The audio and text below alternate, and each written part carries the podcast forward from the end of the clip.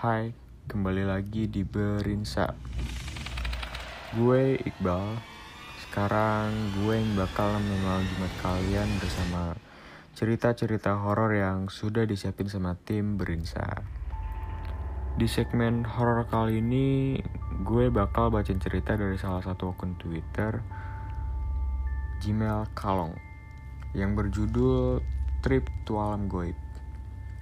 Buat kalian yang gak berani dengerin, jangan dengerin sendirian ya. Trip to Alam Goib, part 3.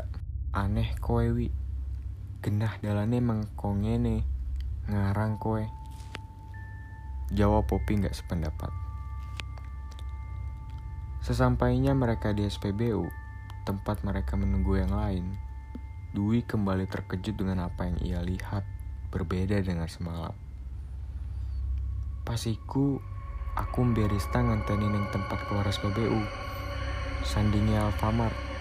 Terus gak ono kampung kok ngene. Cuma ono masjid dan peteng banget. Bedom baiki. Aku ngenteni tapi kok sing lewat mobil abang terus rano kendaraan liane. Dwi masih panik. Karena waktu sudah hampir maghrib. Mereka langsung menuju ke rumah teman kantor yang kebetulan sedang izin ada keperluan. Rumahnya pelosok dan mereka hanya melewati sawah dan hutan. Sesampainya di sana, baru saja menginjakan kaki di tanah perkarangan. Tiba-tiba, salah satu teman Poppy yang saat itu bersama Rista di mes menghubungi Poppy. Pop, cepetan balik. Iki Rista kumat maneh tanpa perintah lagi. Mereka buru-buru berpamitan dan segera menyusul Rista di mes. Dan ternyata perjalanan balik mereka kurang mulus. Mereka terlalu baik untuk tidak diganggu oleh penunggu jalan. Keempatnya jelas-jelas melihat ada penampakan aneh.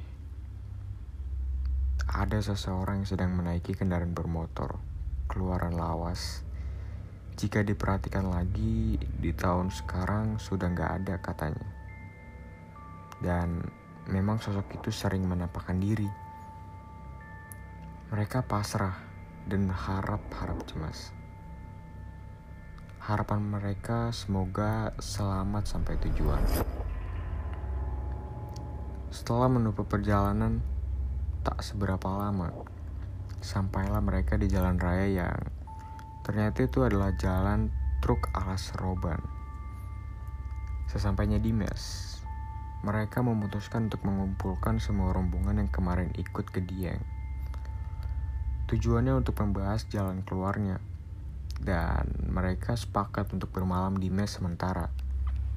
Karena kebetulan besoknya tanggal merah, dan mereka tidur di ruang tamu lesehan. Rista masih sama, dia bukan Rista. Suasana mes benar-benar dirasa tidak enak. Ditambah penghuni mes makin eksis. Setelahnya mereka sepakat untuk membawa Rista pulang ke rumah. Waktu itu tinggal satu. Hari ulang tahunku yang jadi hari terburuk karena capek batin, kurang tidur dan ngerasa tertekan sama gangguan ini. Kata Poppy. Dengan banyak pertimbangan dan diskusi, mereka semua sepakat untuk membawa Rista pulang ke rumah. Dengan harapan mungkin orang tuanya bisa membantu dan tahu akar masalah ini. Mereka berenam, Poppy, Ardian, Vio, Dwi, Rista, dan Kusuma. Pergi ke rumah Rista tengah malam. Di mobil, Rista menangis dan marah-marah karena dia nggak mau diajak pulang. Rista yakin kalau dia itu sehat dan marah karena dianggap aneh. Dan akhirnya Poppy menjelaskan, Riz, kita nggak mungkin kayak gini kalau tingkahmu normal, tapi kamu beda.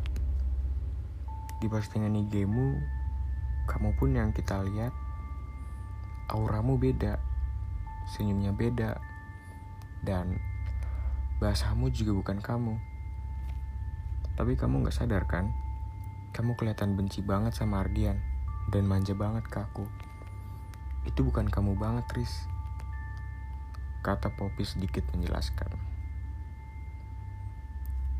Kalian tuh jahat. Rista tuh sehat. Kenapa harus dibilangin? Besok kan kerja. Rista ngomong sambil merengek. Kita nggak jahat.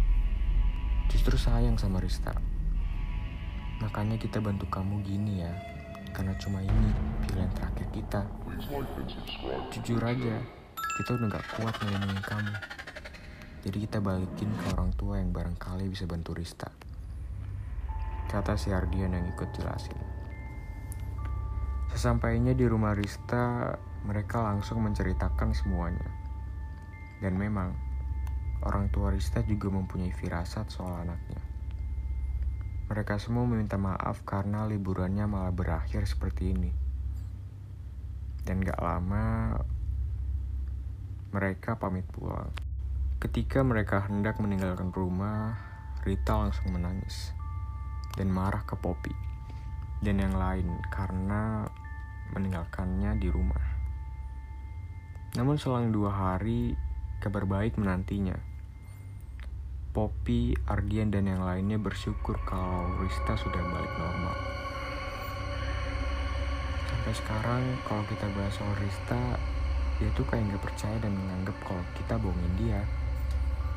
Sampai Rista malu sendiri sama kelakuannya, kata Poppy. Itu bakal jadi kenangan yang paling gak terlupakan sih. Memang kejadiannya seram dan rumit. Tapi dari kejadian itu, kita satu tim jadi kompak dan deket kayak keluarga. Semoga kejadian kayak gini gak akan terulang lagi sama siapa pun. Aku juga berharap ke kalian hati-hati kalau jalan-jalan atau liburan ke alam terbuka. Terutama kalau menjelang maghrib. Mending berhenti sejenak. Sholat dulu baru jalan. Jangan kayak kita ini. Mungkin kita diganggu itu karena emang turun dari diam di waktu yang salah sambung Poppy. Ya, sekian dulu pengalamanku tahun lalu. Terima kasih yang sudah mau mendengarkan. Semoga terhibur dan bisa diambil pelajarannya. Selesai. Oke, segitu aja cerita yang gue bacain. Jangan lupa buat dengerin Brinsa terus ya. Kalau kalian ada cerita horor, romance, atau random lainnya, kalian bisa banget DM di Instagram kita Gmail OSIS SMK BW2. Sampai bertemu di segmen horor selanjutnya ya. See you.